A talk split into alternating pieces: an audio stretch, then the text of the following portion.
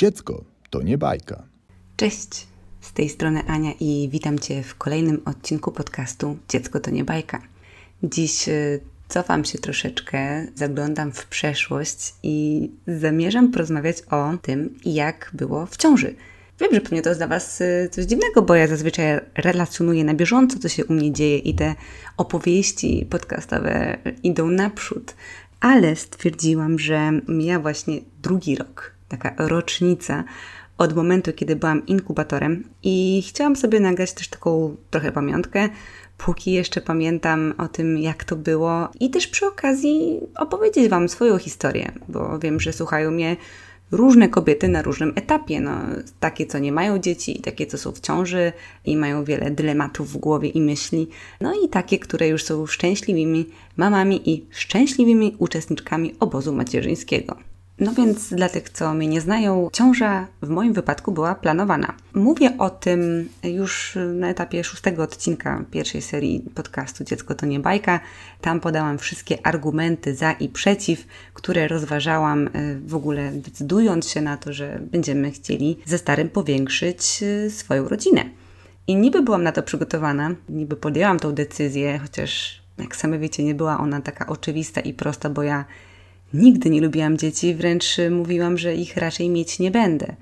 Ale tak się zdarzyło, że po tej decyzji ta ciąża nastąpiła bardzo szybko. Ja myślałam, że to będziemy się tak parę miesięcy starać. Nie wiem, ludzie starają się czasem latami i jakby to jest totalnie normalne, że to nie jest takie hop że a, podejmuję decyzję, że zakładamy rodzinę i nagle o, za miesiąc już, już proszę, jestem w ciąży. Byłam świadoma tego, że to są pewnie jakieś miesiące pracy. No ale okazało się, że w naszym wypadku poszło to bardzo szybko, nawet dla mnie za szybko. I ja po prostu byłam bardzo zaskoczona, bo myślałam, że mam jeszcze trochę czasu na oswojenie się z tą decyzją, że, że zaraz będzie nas więcej niż tylko dwójka. No a okazało się zupełnie inaczej. Więc pamiętam ten dzień, kiedy, kiedy zrobiłam sobie test to był dzień, kiedy w ogóle umówiłam się ze swoją koleżanką na sesję zdjęciową. Koleżanka była w ciąży, więc robiłam jej zdjęcia, e, jak już była w takiej pełnej, okazałej ciąży. Ja parę godzin temu zrobiłam sobie test taki, taki dziwny, jakiś kasetkowy, taki, co się sika na jakiś taki pojemnik, potem coś się przenosi na coś. W ogóle strasznie skomplikowane to dla mnie było. Zrobiłam ten test e, zobaczyłam, że tam ten wynik jest taki, że chyba ciąża, ale tak w sumie w połowie to nie wiem w mojej głowie pojawił się strach na samym początku, bo myślałam, że Boże, to już, to tak szybko i, i, i dlaczego? Więc w ogóle całą tą sesję, którą robiłam swojej koleżance, miałam totalnie zaburzoną. Taką, już patrzyłam na nią i myślałam sobie, Jezu, no za parę miesięcy to będę ja. Zrobiłam oczywiście ponowny test, żeby sobie upewnić się, taki już inny, co się na patyk sika. Na początku myślałam, że te testy to po prostu są takie, wiecie, no że 50-50, no one tam niby są skuteczne, a może nie, a potem przeczytałam, że one to jednak mają dużą skuteczność, taką 99%, więc, więc naprawdę mnie to zaskoczyło, pierwsza zaskoczka. No i zrobiłam test drugi, więc mówię sobie, super, dobra, to idę do starego i mu zakomunikuję o tej fantastycznej informacji, bo bo wiecie, no ja nie chciałam robić jakichś coming outów, że nie wiem, pójdziemy na jakąś kolację i mu w prezencie dam buta czy coś, bo kiedyś tak się robiło. Nie wiem, może teraz też się tak robi. Czy właśnie jakiś taki szok zdjęciowy, że ludzie wysyłają mu z całego świata informację, że będzie ojcem. Nie stwierdziłam, że po prostu powiem mu, bo ja nie wiem, czy mnie znacie, ale jestem strasznie słaba w trzymaniu tajemnic. Ja po prostu jestem najgorszym powiernikiem tajemnic. Serio. Ja jestem jak ten główny bohater y, serialu The Office. Po prostu nie umiem trzymać tajemnic. I nie robię tego celowo. Ja, ja muszę wyznać światu wszystko. Więc w ogóle domyślcie się, jak ciężko było dla mnie trzymać w ogóle tą informację w tajemnicy, że jestem w ciąży, bo na początku wiadomo, nikt się, nikt się o tym tak głośno nie chwali, no ale do tego jeszcze dojdę. No więc idę do starego i mówię mu, ej stary, chyba się udało. A on sobie wtedy leżał w łóżku, była jakaś, nie wiem, siódma, może ósma rano. No bo wiecie, ten test to powinno się robić rano, takim świeżym moczem, więc test zrobiłam rano. No i on w ogóle tak, e, a, okej. Okay. I poszedł dalej spać. I ja sobie tak myślę, what? Myślałam, że to będzie coś wspaniałego, że on się ucieszy, nie wiem, wyskoczy z łóżka, przytuli mnie, cokolwiek. A on po prostu, że aha, okej, okay, dobra. Więc powiem Wam szczerze, że to była dla mnie kolejna y, lekcja. I dopiero później on tak ogarnął, że faktycznie to jest big news. To jakby, to jest naprawdę duży news. Zaraz po tym, jak się dowiedziałam, że jestem w ciąży, jakiś tydzień czy dwa miałam umówioną wizytę u ginekologa. I w ogóle śmiesznie się zdarzyło, bo ja tą wizytę miałam umówioną z jakiś miesiąc temu, bo ja zanim w ogóle podjęliśmy decyzję, że będziemy starać się o dziecko, to stwierdziłam, że jak taki prawilny człowiek, taki prymus, pójdę sobie do ginekologa i tam zbadam się, czy wszystko jest w porządku, czy jestem gotowa, czy moje ciało jest gotowe, czy wszystkie badania mam ok. No więc dostałam cały taki spis badań, naprawdę takie poszerzone, pogłębione badania krwi, moczu, wszystkiego, tam cytologię, e, żeby w ogóle sprawdzić, czy, czy w ogóle ja się nadaję na kandydata do inkubacji. No i zrobiłam te wszystkie badania i tak się zdarzyło, że w międzyczasie zrobiłam też ten test i okazało się, że jestem w ciąży. No i idę do swojej pani ginekolog, taka wiecie, zadowolona, taka, że mission completed. Wszystko mam, badania zrobione, patyk obsikany, test pozytywny, super. No i ja tak się cieszę i, i tak pokazuję te badania i mówię, a wie co, tak, tak w ogóle, tak by the way, no to, no to chyba się udało, bo tutaj mam pozytywny wynik, ale no wiadomo, ja też nie cieszyłam się nie wiadomo jak, no bo, no bo no też bądźmy realistami, no z tymi ciążami bywa różnie, tak? To, że ktoś ma pozytywny test nie znaczy, że ta ciąża dobiegnie do końca, niestety. Yy, też bardzo duży procent ciąż jest po prostu niedonoszonych. Też się o tym głośno nie mówi, chociaż no mam wrażenie, że coraz więcej znanych osób mówi o utracie ciąży, co mi się bardzo podoba, bo trzeba uświadamiać ludzi, że to, że ma się ten test pozytywny, ten y, wynik testu ciążowego pozytywny, nie oznacza, że y, na 100% urodzisz dziecko. To też miałam w głowie, kiedy szłam do, do swojej pani ginekolog. No i ona oczywiście powiedziała, że hola, hola, Proszę się tak nie cieszyć, bo proszę spojrzeć na wyniki. Tarczyca, no trochę średnio. I oczywiście pierwsze co to zostałam odesłana do endokrynologa, który przypisał mi leki. Bo jak się później okazuje, to tarczyca potrafi różnie się zachowywać, kiedy człowiek jest w ciąży. I ja na przykład miałam niedoczynność tarczycy, więc przez całą ciążę musiałam być kontrolowana przez endokrynologa. I to kolejne moje zdziwienie, że nie dość, że musisz naprawdę często chodzić do tego lekarza, robić badania, podglądać bobasa, to jeszcze dochodzi ci kolejny lekarz. I finalnie ja naprawdę dziękowałam, że jestem podpięta pod pakiet medyczny starego z firmy, bo ja bym poszła z torbami. Serio. Ilość lekarzy, jaki się przewinęła w ciągu tych 9 miesięcy, no przeraziła mnie. Ja już nawet nie liczyłam tych wizyt, bo niektóre były po prostu z mojej nadgorliwości, ale no kurde, te wszystkie badania, to jakby ktoś miał sobie zliczyć, to, to wór pieniędzy. No więc jestem sobie w tej nowej sytuacji. Wiem, że w środku już tworzy się mały człowiek. No i czekam na tą pierwszą wizytę taką z podglądem. I tak sobie myślałam, że ale będzie super, jakie to będzie dziwne. Przede wszystkim zobaczyć, że coś tam w Twoim brzuchu się dzieje, potwierdzić, że tam coś się dzieje i że to idzie w dobrym kierunku, no i też wykluczyć, że to będzie ciąża mnoga. Boże, jak ja tak bardzo nie chciałam mieć mnogiej ciąży. Po prostu byłam przerażona, że ja bym sobie nie poradziła. I w ogóle kiedyś, jak byłam nastolatką, to się tak z dziewczynami zawsze gadało, że o, fajnie mieć y, od razu bliźniaków, no bo to z górki to nie trzeba już potem w drugiej ciąży zachodzić, bo zazwyczaj ludzie przecież chcą mieć dwójkę, no bo jedyn, je, a to w ogóle oddzielny temat na podcast, jedenastwo. Ale e, no generalnie kiedyś też tak myślałam, że super, ciąża mnoga, z górki nie trzeba będzie dwa razy tyć i potem dwa razy chudnąć. No ale to tak nie wygląda.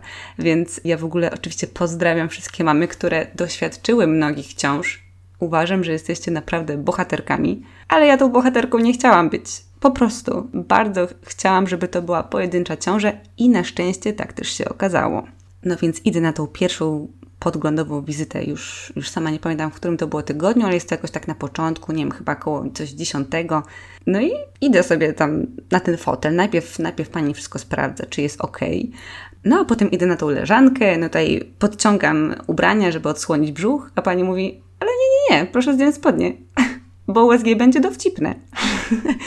ja byłam w kolejnym szoku, ale jak to? Przecież na wszystkich filmach zawsze jest ta młoda para, jest ojciec, jest, jest matka, przyszła, no i tam sobie gmerają po tym brzuchu z tym żelem, USG jeżdżą i sprawdzają, a tutaj USG dowcipne, no. No i jak się okazuje do, na samym początku tej ciąży, no to, to faktycznie ciężko jest coś e, zobaczyć przez brzuch i najdokładniejsze badania są właśnie przez e, USG transwaginalne, e, więc ja się cieszyłam, że nie było tam starego ze mną. W ogóle to, kiedy byłam w ciąży, niestety cały czas szalała pandemia i i takie wspólne wizyty były zakazane.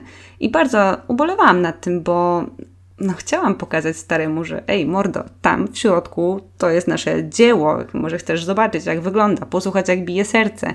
Te momenty naprawdę są ważne i niestety mm, pandemia pozbawiła mojego starego takiego prawdziwego posłuchania na żywo, ale na szczęście mogłam czasem nagrywać, więc y, sobie nagrywam na telefon, no i potem mu pokazywałam, ej, słuchaj, jak bije serce naszego dziecka. I to było fajne akurat.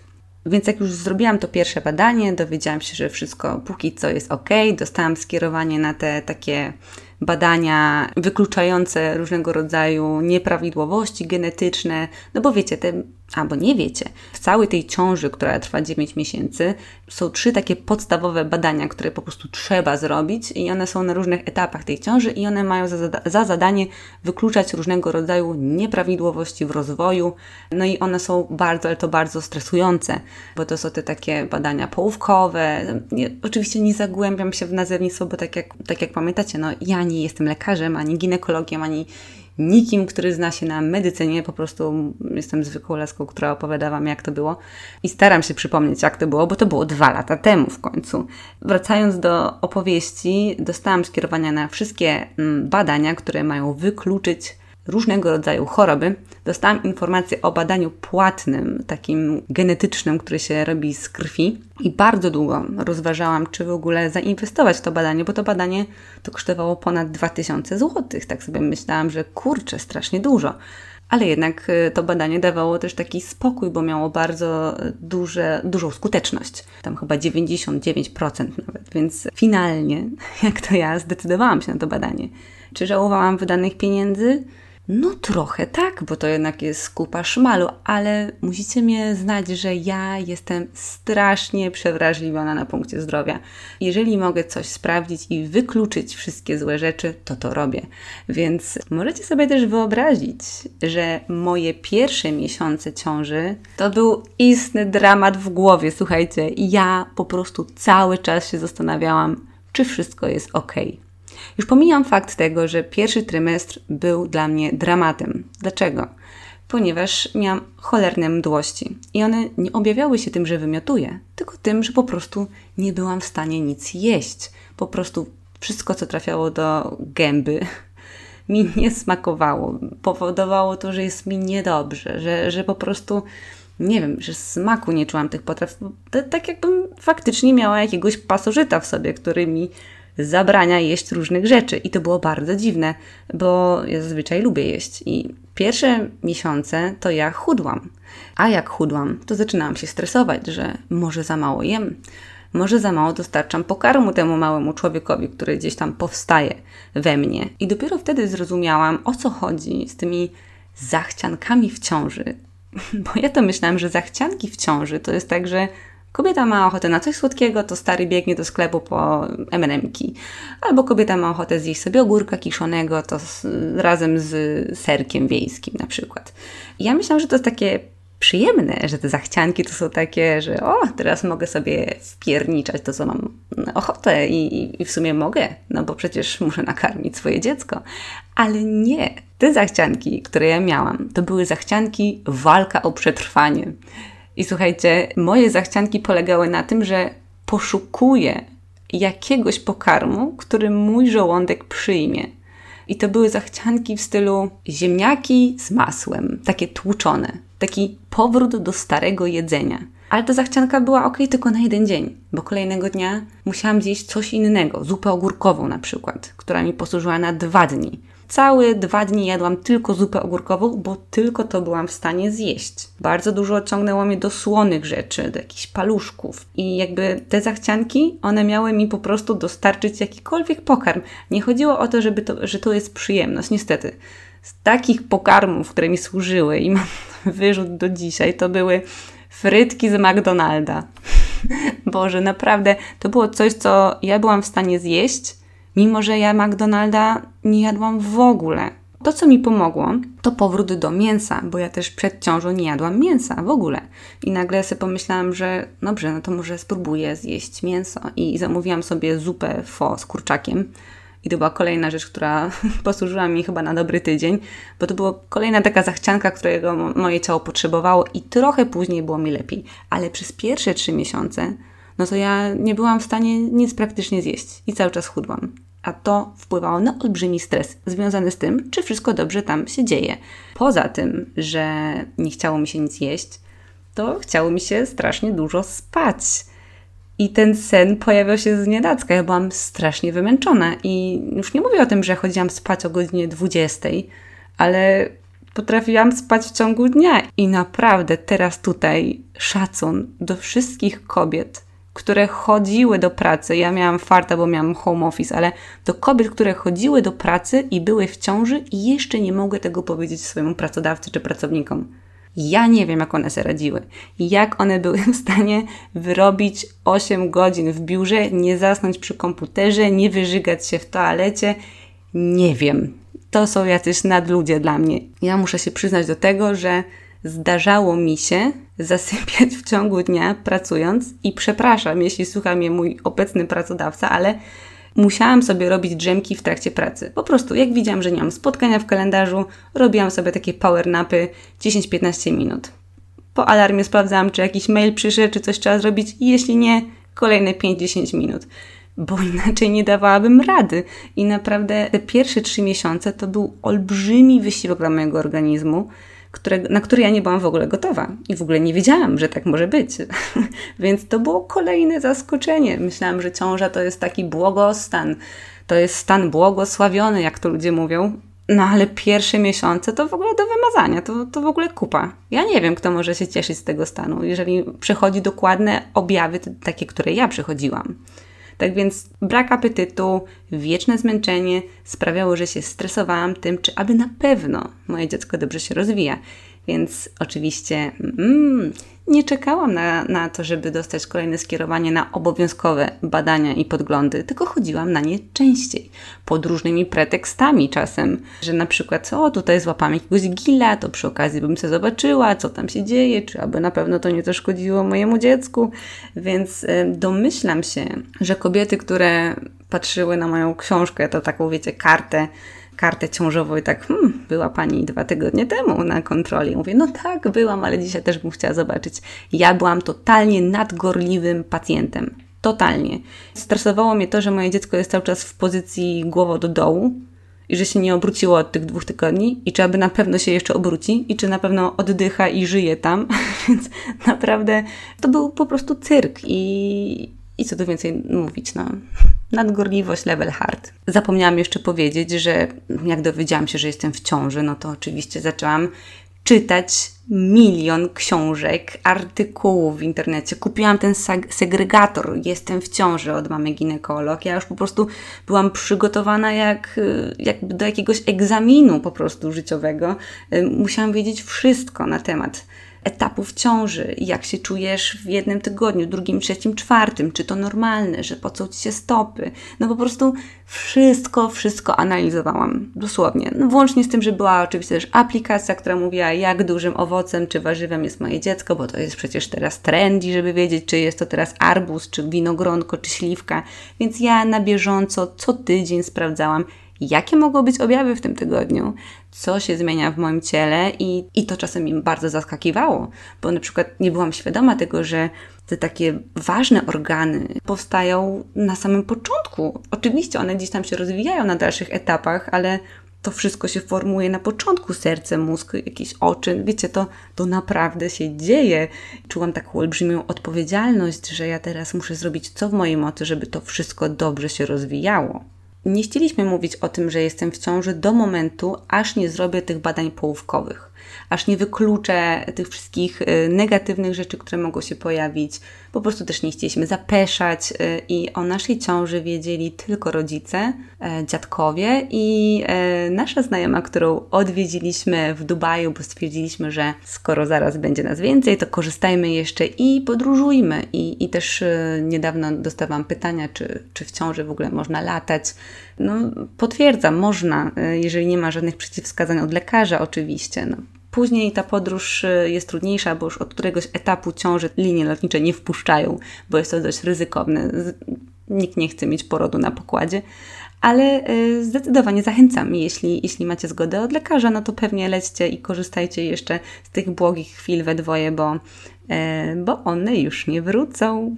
Tak jak Wam mówiłam na początku, jestem bardzo słaba w trzymaniu tajemnic i Cieszę się, że nie chodziłam do pracy do biura, bo istnieje duża szansa, żebym się wystrzelała z tego, że, że jestem w ciąży, a zachowanie tego w tajemnicy nie było takie proste dla mnie. Ja generalnie nie wiem, mam taki charakter, że po prostu głupio mi jest oszukiwać innych ludzi na przykład umawiać się na jakiegoś kola z winem i pić zamiast wina jakieś wino zero albo albo wiecie, sok winogronowy, albo wodę i uszukiwać, że to jest wino.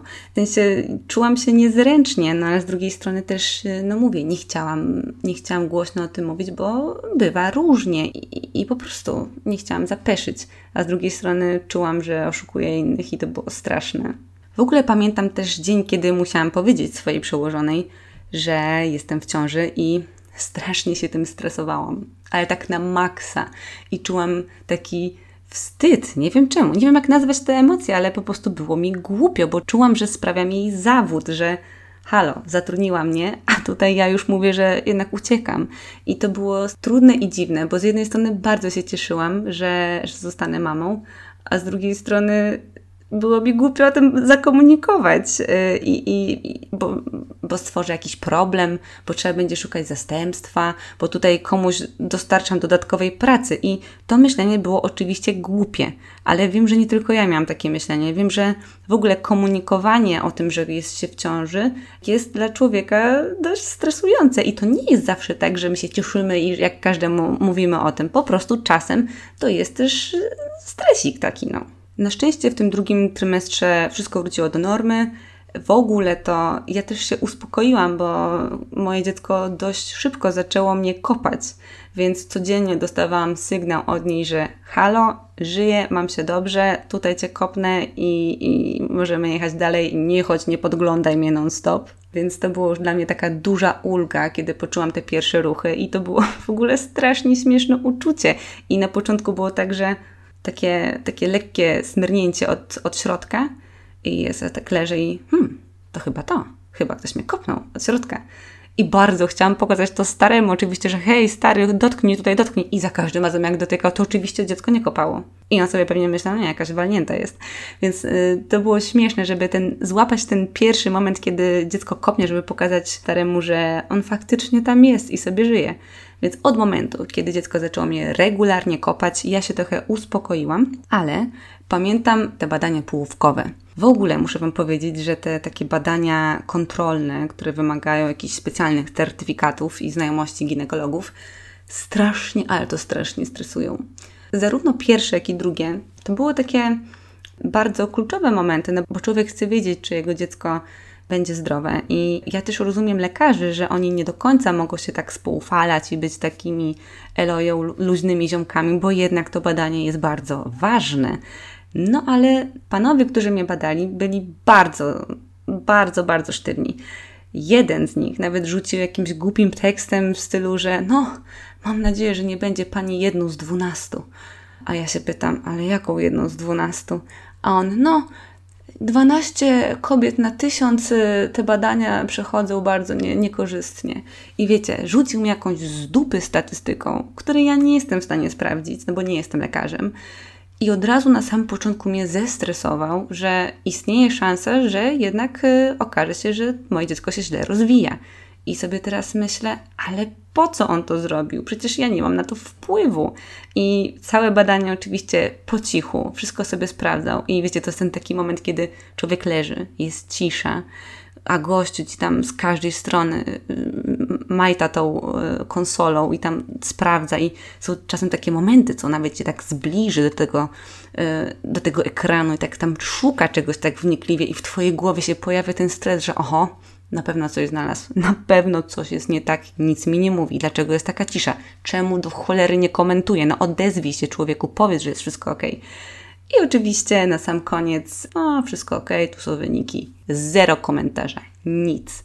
Więc sobie pomyślałam, Boże, dobrze, że mam to za sobą, dobrze, że wszystko jest ok, ale to, co człowiek tam przeżywa na tych badaniach połówkowych, to naprawdę yy, no jakiegoś nerwosolu powinni nam dać, jakieś melisy, nie wiem, no coś na uspokojenie, bo no ja naprawdę byłam mocno zestresowana i ja zawsze jak się stresuję, to staram się rzucić jakiś żart w powietrzu, żeby tak po prostu wyładować emocje, no ale niestety publiczność była słaba. No więc jesteśmy po tym badaniu połówkowym, przychodzi marzec. Pamiętam, że y, w marcu ogłosiliśmy tak publicznie, że, że zostaniemy rodzicami. Tak z okazji Dnia Kobiet, no bo dwie kobiety już zaraz będą w domu. I ja się tak znowu stresowałam, no bo przecież jeszcze niedawno mówiłam, że nienawidzę dzieci. I jak to tak? To teraz zmieniłam zdanie? Czy co oni wpadli? Czy o co chodzi? To było też dla mnie dziwne, ale też bardzo oczyszczające. To była taka ulga, że już mogę wszystkim powiedzieć, y, że już nie będzie tych głupich pytań. O, czemu alkoholu nie pijesz? Przecież zawsze pijesz alkohol. Nie trzeba było się kitrać, chować. Ja akurat miałam o tyle szczęście w nieszczęściu, że ten brzuch mój był naprawdę mały i mogłam w zasadzie do ósmego miesiąca mówić, że nie, to zdjęcia, że to gazy, że totalnie nic. A z kolei ten mały brzuch, znowu dostarczał mi stresów, bo jak tak patrzyłam na swoje koleżanki, no to one te brzuchy to miały większe i wszyscy mi mówili, Boże, ty w ogóle ty jesteś w ciąży? I ja oczywiście mówiłam, no tak, no jestem w ciąży. Ja w ciąży, słuchajcie, przytyłam może jakieś 12-13 kilo. To jest od swojej wagi. Na samym początku bardzo dużo schudłam, jakieś 4 kilo, a później oczywiście przytyłam, ale ta różnica nie była tak duża. Ja wiem, że niektóre kobiety to po 30 kilo są w stanie przytyć.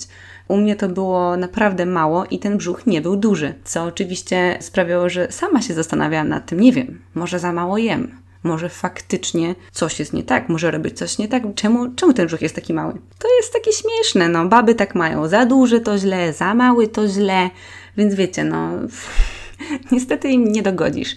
Ale wracając jeszcze do tego drugiego trymestru, który był takim już trymestrem spokoju, błogości, już tutaj kończyłam prawie pracę, tu już wakacje jeszcze były jedne przed nami, to nie zapomnę, że będąc w ciąży, poza tym, że oczywiście ma się te piękne włosy, bo hormony szaleją, są biust jest pełniejszy, przecież każda laska chce mieć większe cycki. No i ten brzuch tam trochę rośnie, ale generalnie no, możesz wszystko, nie musisz dźwigać. Y, twój stary może posprzątać w kuwecie za ciebie, bo przecież nie możesz mieć styczności z odchodami kocimi, bo to też niebezpieczne ponoć. Więc naprawdę korzystałam ile mogę z tego, że jestem princeską, która jest inkubatorem i naprawdę mogę wszystko. Ale okazało się, że na którychś badaniach, yy, badaniach moczu, a naprawdę te badania to ja co miesiąc musiałam robić. Co miesiąc badania krwi, bo musiałam kontrolować tarczycę i co miesiąc badanie moczu. I w którymś badaniu moczu wyszły mi jakieś bakterie. Oh no i wtedy, wtedy dowiedziałam się, że te badanie moczu to wcale nie jest takie proste, jakby się wydawało, bo ja na początku to po prostu, no co, siadałam nad kiblem, sikałam do tego pudełeczka. Część trafiła, część nie. No i zanosiłam to, robiłam badania krwi i tyle. Ale jak w którymś badaniu wyszło, że są jakieś tam bakterie, no to tutaj pani się zastanowiła, czy ja aby na pewno dobrze pobieram te badania. Więc dla tych, którzy nie wiedzą, jak pobierać te badania, to ja Wam powiem. Przede wszystkim badania pobiera się z samego rana i jest to ten pierwszy mocz po spanku. Ale najpierw trzeba się podmyć pod prysznicem i to badania najlepiej nie pobierać nad kiblem, bo tam są przecież bakterie, tylko właśnie pod prysznicem w wannie. Najlepiej to jeszcze włożyć sobie tampona, żeby żadne inne bakterie nie dostały się do waszego kubeczka, a potem zaczynacie sikać i nie pierwszym, ale drugim strumieniem zapełniacie oto to pudełeczko. I to się wydaje niby takie proste, ale gdy ma się już ten brzuch, to później takie schylanie się, w ogóle wciskanie tego tampona, no to nie jest ani przyjemne, ani wygodne. To naprawdę można się nieźle upocić, żeby prawidłowo pobrać ten mocz. Był etap, kiedy przysięgam Wam i to bez żadnych ściem, ja co tydzień chodziłam z posiewem e, moczu i z moczem do badania, bo co chwila wychodziły jakieś złe rzeczy i nie wiedzieliśmy, czy to jest kwestia znowu złego poboru tego moczu, czy faktycznie mam jakąś infekcję, no bo też ciężko jest tak od razu powiedzieć, że to jest jakaś infekcja, no bo kobiety w ciąży generalnie więcej sikają i chodzą do tej łazienki cały czas, więc jest to naprawdę bardzo dokuczliwy skutek uboczny bycia inkubatorem. Tak więc ponownie mogę powiedzieć, że cieszę się, że miałam prywatną opiekę, pakiet medyczny ze starego z firmy, zamortyzowany co do grosika, bo naprawdę potrafiłam być co tydzień u siebie pod domem w klinice, e, żeby sprawdzać e, jakość swojego moczu na przykład trzeci trymestr spędziłam w domu. No bo stwierdziłam, że już nie ma sensu pracować, tam i tak jest wszystko już zaopiekowane, po strategiach, można oddać w dobre ręce, a ja skupię się na przygotowaniach e, i będę oglądać jeszcze więcej filmików na YouTubie, czytać jeszcze więcej blogów i książek, tak żeby już po prostu zwariować od nadmiaru informacji. A i jeszcze oczywiście zapisaliśmy się ze starym do szkoły rodzenia, a tam po prostu maraton wiedzy, naprawdę maraton. Tych spotkań było z 5 lub 6. To była szkoła rodzenia z, z mojego szpitala przyszłego, w którym chciałam rodzić i naprawdę oceniam to tak tak z perspektywy czasu i wiedzy, która mi się faktycznie przydała, myślę, że tak 7 na 10. Dużo rzeczy zabrakło, ale generalnie też dużo było ciekawych informacji, różnych ćwiczeń. Było to też darmowe, więc jakby też nie mogę narzekać ale na tym etapie stwierdziłam, że tej wiedzy to jest co najmniej jak na 5 lat studiów. No po prostu bardzo dużo tego było i byliśmy wręcz przytłoczeni. Zwłaszcza, że tych spotkań było no tak dwa razy w tygodniu po 3 godziny, po 4 chyba, więc y, no jak człowiek siedzi 3-4 godziny przed kąpem, no to, to naprawdę to jest bardzo dużo wiadomości. Zwłaszcza dla osób, które w ogóle nie miały styczności z dziećmi, nie mieli mniejszego rodzeństwa, nie zajmowali się nigdy dziećmi, nie opiekowali się dziećmi znajomych, więc dla nas to naprawdę było bardzo dużo nowości, która nie do końca później też była zapamiętana. Ta szkoła rodzenia była trzy miesiące przed porodem, a później człowiek rodzi dziecko i nagle zapomina wszystkiego. Więc y, naprawdę te trzy miesiące spożytkowałam na tym, żeby skompletować wyprawkę, no żeby zacząć przygotować mieszkanie, czyli cały ten syndrom wicia gniazda. Stary już się śmiał, że po prostu non stop tylko jakaś Ikea albo Isk, albo jakieś jeszcze inne sklepy po prostu jeździłam i, i, i ubranka, już wiecie co, ubranka to już były wyprane, wygotowane z jakieś dwa miesiące przed y, porodem. Torba też już spakowana, bo ja jestem, wiecie, jestem nadgorliwa przecież i jestem prymuską, więc ja muszę mieć wszystko przygotowane, żeby jak pojawi się plan B, C i D, to żebym była gotowa. No i to, co mnie najbardziej wkurzało, to to, że ja cały czas czekam, aż mi się dziecko odwróci. I, i ja nagrałam cały podcast odnośnie cesarzowych, o, o całym tym porodzie mm, cesa, cesarskim, ale no ja bardzo chciałam urodzić naturalnie, no bo przez te trzy miesiące, ileż to ja się naczytałam o tym, że trzeba koniecznie siłami natury. To jest najlepszy, najlepszy sposób na to, żeby wydać potomka na świat. I ja bardzo chciałam. Ja byłam później naprawdę już taka smutna, że ja nie jestem w stanie tego zrobić, bo to moje dziecko się po prostu nie chce odwrócić. No i koniec, kropka, nie poradzę na to. I jakbym chciała rodzić naturalnie, to byłoby to ciężkie. Więc e, w ogóle też miałam różnego rodzaju propozycje, żeby dziecko obrócić, bo ponoć też można. I nawet byłam zapisana na obrót, ale potem się jakoś zestresowałam i stwierdziłam, że no trudno, taka jest jej wola więc nie będę jej zmieniać, ale generalnie te trzy miesiące poza tym, że przygotowywałam siebie psychicznie, fizycznie, mieszkanie, załatwiałam wszystkie możliwe sprawunki, koty zabrałam do weterynarza, jednego ostrzygłam, żeby już mieć to z głowy. No naprawdę wszystko było przygotowane tip-top, no tylko to dziecko nie chciało się cholera odwrócić, no więc widzicie, te ciąże są różne i odczucia są różne, potrzeby ludzi są różne. Są kobiety, które chcą tylko przez cięcie cesarskie rodzić i, i zazwyczaj mamy to, czego nie chcemy. nie wiem, jak to się dzieje. Tak jak z włosami, no. Te, co mają proste, chcą kręcone, a kręcone chcą mieć proste. I, i weź tutaj dogodź kobiecie. No nie da się, no po prostu się nie da. Ale no to cała ciąża, to naprawdę cały ten etap tych dziewięciu miesięcy, no, no był naprawdę ciekawy. To był roller coaster emocjonalny, hormonalny. No, wszystko, co się dzieje w głowie kobiety, to jest po prostu czasem nie do opisania. I mimo tego, że te ciąże nasze różnią się, to jednak jest ten wspólny element, czyli czas. mniej więcej te 9 miesięcy chyba że są to bliźniaki, wcześniaki lub jakieś tam inne komplikacje.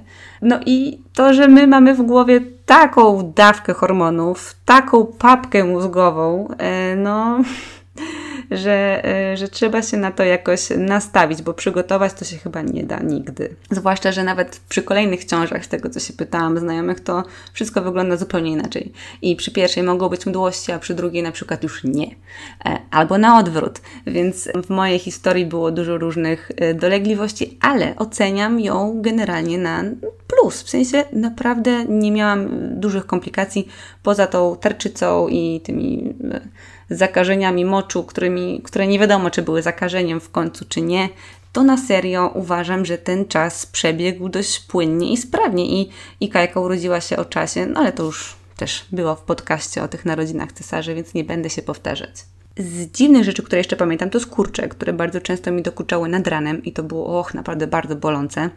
No i też to, że o trzeba było tą taką poduszkę rogala, y, korzystać z niej, że, że to na początku myślałam, że to jest takie super, a potem no, zmiana pozycji, w ogóle podnoszenie się już później z tym brzuchem, że to można tylko na lewym boku, bo na prawym nie można, bo coś tam, czy tam odwrót, już nie pamiętam.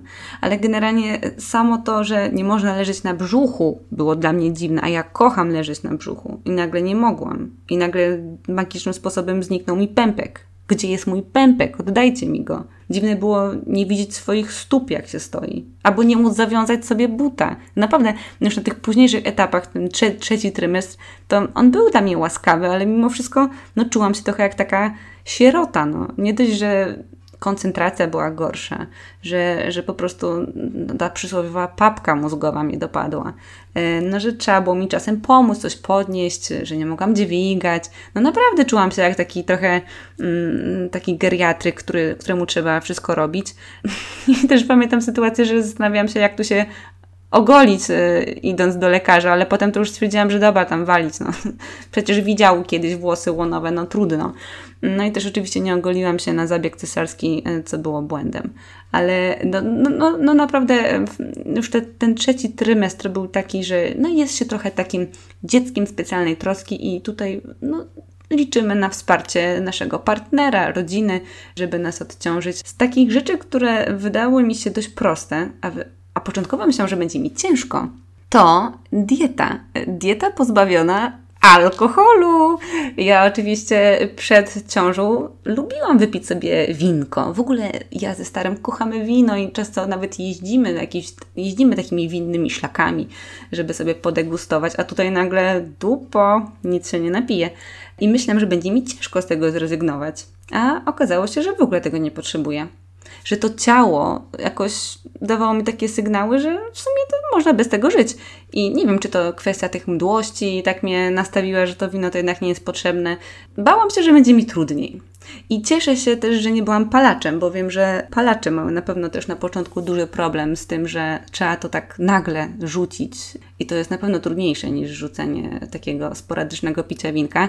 Więc e, tutaj też szczapki z gówna mam, które dają radę i rzucają to w cholerę. I bardzo dobrze, bo to przecież niezdrowy nauk, ale no jest to nauka, z nałogami nie jest tak łatwo w jeden dzień. No i poza alkoholem trzeba też patrzeć na różnego rodzaju kosmetyki. W ogóle nie byłam tego świadoma, że niektórych kremów już nie mogę używać, bo mają tam jakieś witaminy, które mogą szkodzić.